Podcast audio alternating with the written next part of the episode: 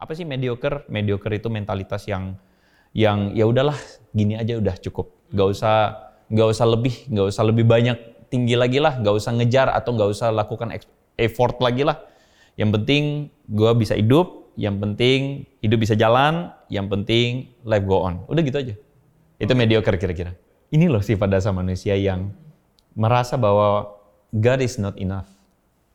To believe in God, to trust in God, and to live my life for God, it's not enough. Therefore, I have to prove myself. I have to prove, and I want to believe in uh, percaya kepada apa yang dunia atau teman-teman atau orang whatever yang bilang dan God itu nggak enough. Podcast kamu dengarkan inspirasi dari firman Tuhan dan jadilah saluran berkatnya. Sebuah persembahan dari warung sate kamu untukmu. Nah, aku juga pernah baca nih kok ya, uh, salah satu artikel gitu di di internet lah ya, Geeks Under Grace gitu. Itu bagus banget kalau teman-teman mau lihat gitu ya. Dia bilang gini kok, God is not glorified by mediocrity. Mungkin tadi kita udah bahas ya, karena memang fokusnya adalah harusnya ke Tuhan ya. Hmm. Jadi Tuhan tidak dimuliakan oleh mediokritas kita. Nah, mau lebih elaborate nggak kok untuk untuk bagian itu? Gue setuju. Ketika dikatakan Tuhan itu tidak dimuliakan dal di dalam mediokritasnya kita, karena orang yang mediocre itu adalah orang yang nggak ngerti dia itu ada buat apa. Orang yang nggak paham dia itu ada untuk apa di dunia dan firman Tuhan kan mengatakan bahwa kita tuh diciptakan Tuhan bahkan Daud mengatakan aku ditenun. Buah pinggangku itu engkau menenun aku dari sejak kandungan ibuku dan sebagainya. Jadi kalau Tuhan yang bikin kita, maka Tuhan itu yang punya purpose atau Tuhan yang punya punya tujuan. Dan orang yang hidup hanya untuk rebahan, orang yang hidup hanya untuk oh yang penting saya uh, ya udah gini aja gitu adalah orang yang tidak menggumulkan tujuan Tuhan dalam hidupnya. Sorry itu saya gitu ya. Mungkin ada teman-teman yang juga adalah orang Kristen yang baik, orang Kristen yang ya, well hidupnya baik, uh, ke gereja juga dan sebagainya. Tapi mungkin patut disayangkan karena mungkin kita kurang bertanya tentang Tuhan menciptakan saya untuk apa. Gue percaya bahwa semua orang itu diciptakan dengan tujuan yang harus kita gumulkan. Mungkin hari ini teman-teman kalau ngomong tentang tujuan, gue nggak tahu nih. Gue nggak tahu tujuan gue apa nih gitu. Nggak apa-apa teman-teman. Tapi jangan berhenti untuk menggumulkan. Jangan berhenti untuk bertanya, Tuhan saya ini seharusnya Tuhan bisa pakai untuk apa? Jangan berhenti untuk itu. Nah kesalahan kita adalah karena kita berhenti dan kita berpikir, oh yang penting saya ngambil enaknya aja. Saya bertemu dengan banyak teman-teman yang di dalam kerjaan tuh cuman, oh yang penting datang, duduk, ngantor, pulang. Sedih banget sih. Di saat di dalam satu kantor itu katakanlah ada orang-orang yang growing terus, belajar sesuatu yang baru, nambah uh, koneksi, networking, nambah wawasan, nambah skill. Tapi ada orang yang cuman kerja hanya untuk dapat gaji dan pulang. Sayang banget gitu you know what's benefit yang kamu dapat selain hanya gaji dan bisa nikmatin hidup kayak dengan pembelaan di balik mental health. Gue mau work life balance gitu. Hmm. Gue khawatir itu cuma kalimat pembelaan. Hmm. Gitu aja sih. Ini agak-agak ini ya spicy ya teman-teman ya. Dengan kalimat tadi ya ini cukup bahaya. iya, gue khawatir itu hanya pembelaan karena Gue percaya bahwa kita diciptakan untuk bekerja. Kita diciptakan memang untuk effort. Karena I think kalau orang hanya bekerja tanpa effort, orang itu kehilangan arti dari kenapa dia harus diciptakan dengan tenaga, dengan tubuh, dengan tangan untuk bekerja. Tiba-tiba jadi ingat lagu sekolah minggu tuh apa? Uh, tanganku kerja buat Tuhan. Apa sih? Gimana sih? Ya itulah. Iya, iya itulah. Sobat muda pasti tahu ya. ya gitu lah kira-kira. Jadi memang kita diciptakan dengan organ, dengan apa, dengan kemampuan untuk berkarya. Please jangan mendangkalkan itu dengan nggak melakukan apa-apa atau hanya sekadar ya begini-begini saja. Tapi memang benar sih kok gue gue setuju sih sama soal eh, kita harus do do our best lah ya Iya. di mana pun gitu ya kita berada mau di pelayanan kayak mau di pekerjaan kita kayak gitu. Karena memang ini gue lagi-lagi bukan mengeneralisir ya. Tapi memang kan kalau teman-teman yang kalau kalau kita lihat teman kita yang ambis itu kan kadang suka self neglect ya. Maksudnya dia tuh mentingin kerjaannya kan. Ini ini lagi-lagi ambis sama kalau yang mediocre kan terlalu self care lah ya. Hmm, kalau self-center yang lah. self center lah ya. Kalau yang ambis kan kadang self neglect ya. Padahal kan sebenarnya eh, firman Tuhan bilang kita harus dahulukan kepentingan orang lain kan, dibandingkan kepentingan diri sendiri. Nah ini gimana pendapat kau Andre soal ini? Apakah ini menjadi suatu masalah yang besar sebenarnya kalau sebenarnya kita oke lah work life balance itu kan penting ya. Tapi kalau kita nggak mikirin itu, akhirnya kita kan jadi borderline ke ke ambis ya, karena kita pengen do something in our works. Jadinya nggak nggak mikirin juga hubungan-hubungan yang harusnya kita bangun gitu dalam dalam hidup kita. Nah ini gimana kok nemuin yang bener-bener balance itu gimana ya? Hmm. Hmm. Ini menarik. Ngomong tentang work-life balance, itu bukan isunya tentang kerja dan istirahat. Karena gue percaya bahwa isunya tuh tidak sesederhana dua kutub antara saya bekerja, saya beristirahat. Tidak sesederhana itu. Karena sebenarnya menurut gue tuh adalah baik bekerja maupun istirahat itu adalah bagian bagaimana kita menjalani hidup yang utuh. Bekerja pun tujuannya itu sering kali kan dikontraskan antara oh kerja lalu kemudian berelasi, kerja dan pelayanan. Kita nggak melihat hidup secara utuh. Karena menurut gue kerja itu pelayanan. Pelayanan itu bekerja. Ada orang yang menjadikan pekerjaan, oh gue kerja ini duniawi, pelayanan ini rohani. Menurut gue salah tuh. Bekerja adalah pelayanan, bekerja adalah dedikasi. Ada yang menjadikan pelayanan, oh gue pelayanan, gue suka pelayanan, tapi kerja asal-asalan. Asal-asalan. Salah, karena bekerja itu bagian dari pelayanan. Bekerja itu adalah harusnya mentalitas kita tuh melayani. Hidup itu harus kita lihat utuh. Jangan hidup itu kita bagi dua antara ini bekerja, ini beristirahat. Ini pekerja, ini pelayanan. Enggak, menurut gue. Hidup itu sepenuhnya. Nah tentu ada waktunya untuk beristirahat. Misalnya ada waktunya untuk kita aktif bekerja lagi. Tapi gue pikir kembali kepada Tuhan itu memanggil kita untuk dia. Tuhan itu memanggil kita untuk hidup bagi dia. Sehingga kalau tadi pertanyaannya adalah bekerja akhirnya mengabaikan relasi. Bekerja akhirnya mengabaikan hubungan. Gua rasa kita kayaknya sudah kehilangan apa makna pekerjaan. Karena menurut gue pekerjaan itu adalah bagian dari cara kita untuk menunjukkan karya Tuhan. Dan karya Tuhan akan sia-sia rasanya kalau kita kehilangan orientasi jiwa ya. Menurut gue sih. Jadi kalau kita bekerja nih, tapi kita kehilangan arti dari jiwa-jiwa yang akhirnya kehilangan, lost. Dalam arti gini, hmm, Yesus bilang, engkau tuh terang dunia. Terang itu akan dilihat orang sehingga orang memuliakan Bapamu di sorga. Itu berarti berbicara tentang karya kita, sikap kita, the way we work itu akan membuat orang tuh terkesima, membuat orang tuh melihat wah ternyata ada Tuhan ya. Jiwa nih.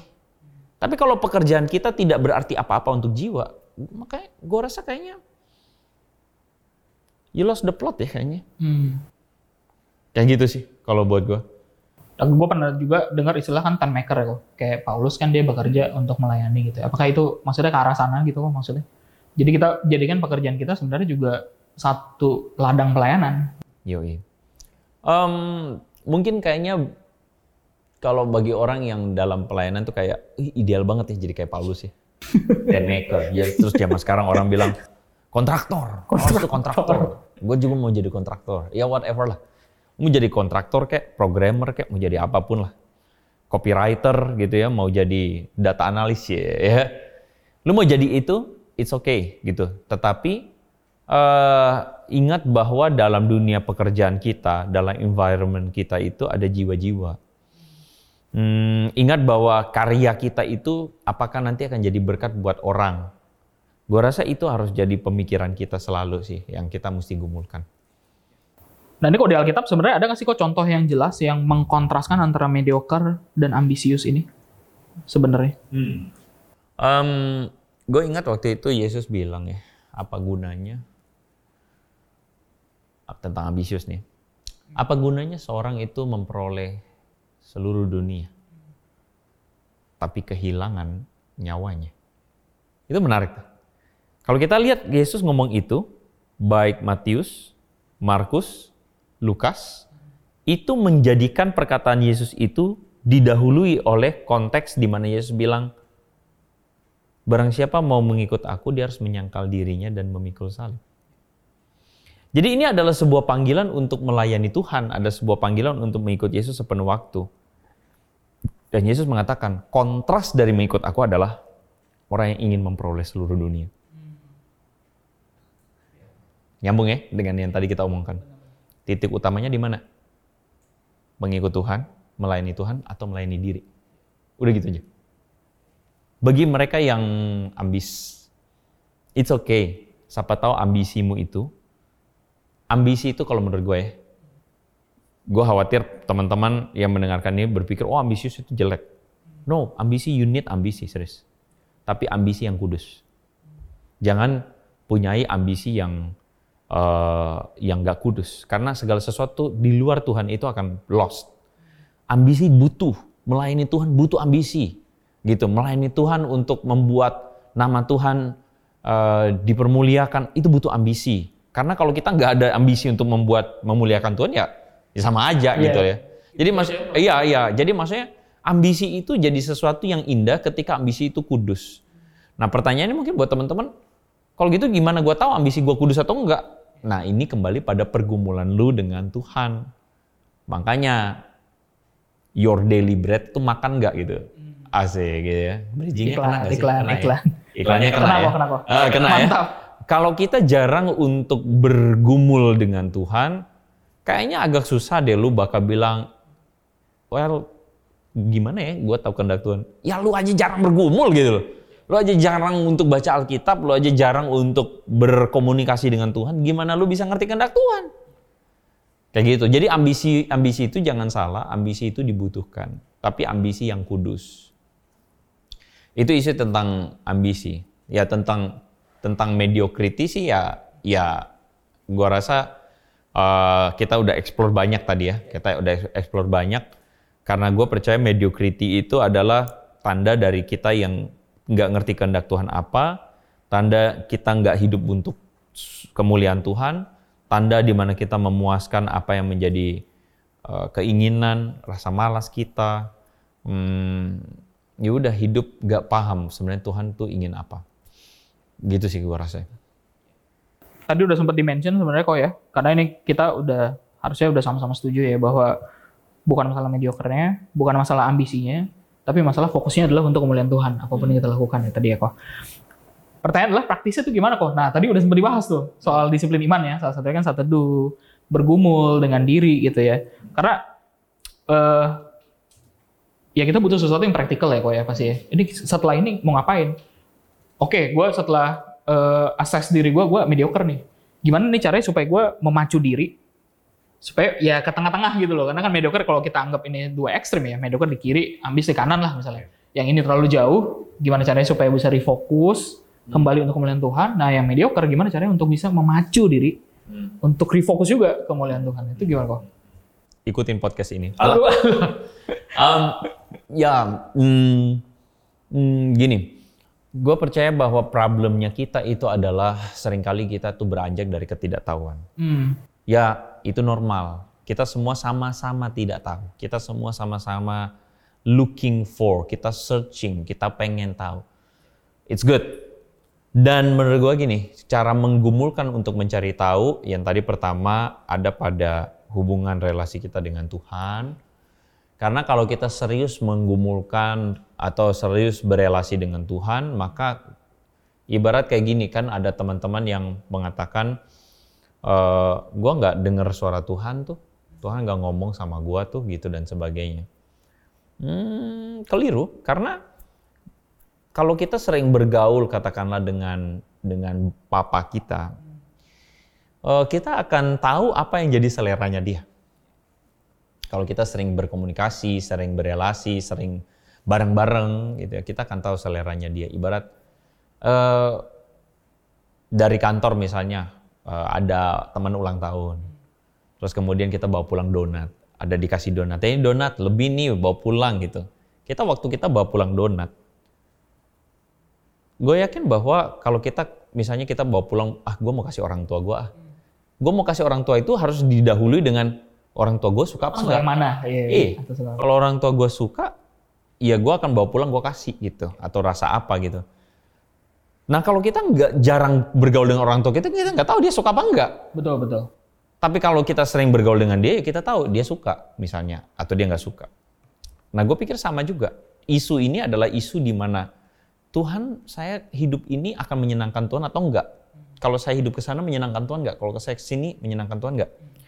Itu isunya ada pada pengenalan akan Tuhan. Yang kedua, menurut gua penting banget kita punya komunitas. Komunitas yang growing, komunitas yang membawa kita itu menginspirasi kita. Ada saying atau pepatah yang mengatakan, give me your five friends, then I will show you your future kasih tahu saya lima teman kamu itu atau circle kamu itu kayak gimana, therefore I can show you your future. Karena teman itu menginfluence kita, teman itu mempengaruhi kita, teman itu ada ada values yang kita tarik atau kita serap dari mereka. Makanya Paulus bilang pergaulan yang buruk merusak kebiasaan yang baik gitu. Karena ada influence. Kalau teman-teman kita adalah teman-teman yang mediocre, well that's your future. Tapi kalau teman-teman kita adalah teman-teman yang hidup dengan tujuan, dengan purpose, takut akan Tuhan, I think you're on the right track. Even though hari ini mungkin teman-teman belum nemu gitu, belum nemu gila, gue mesti bagaimana, atau gue akan seperti apa, gue rasa gue mediocre dan sebagainya. Ya udah, lu harus perbaiki hubungan, eh, perbaiki eh, kamu mendetox pikiran kamu dengan pergaulan dengan Tuhan. Dan yang kedua kamu harus coba cari teman-teman yang bisa inspiring you. Cari orang-orang yang bisa mempengaruhi kita untuk gitulah kira-kira Tapi bukan berarti kita ninggalin, eh maksudnya kita tetap berusaha jadi terang di komunitas kita yang kalaupun mereka mediocre kan. sure artinya gini eh, salahnya kita tuh adalah gini kita tuh ah itu tadi kita tuh suka mendualistikkan antara pekerjaan dan misalnya pergaulan pekerjaan itu one thing. Karena kerja itu jujur-jujur kata, kita tuh butuh uang untuk hidup. Iya pasti. Tapi pekerjaan kita tidak semata di dunia kerja. Pekerjaan kita juga ada di dalam pergaulan kita, pekerjaan juga kita di rumah, itu juga kan pekerjaan kita. Itu work, itu dedikasi, itu hidup yang beraktivitas. Gitu sih. Jadi tentu bukan untuk meninggalkan teman-teman yang katakanlah, wah ini kumpulan geng rebahan semua. Oke, gitu. oh, udah udah udah, gue ganti, Kalau- gue ganti komunitas. Kalau kita kumpul-kumpul kita rebahan Rebahan semua. semua. Wah gila sih gue. Gak juga, tapi kamu mesti cari juga orang-orang yang bisa influencing kamu untuk getting grow, growing juga sih. Tapi kayaknya aneh kalau ada teman-teman kumpulan rebahan semua. Itu ngapain aja ya? ya mungkin ada ya teman. Yuk kita staycation bareng, masuk ke hotel rebahan semua. Enggak mau ngapain. Oke oke. oke.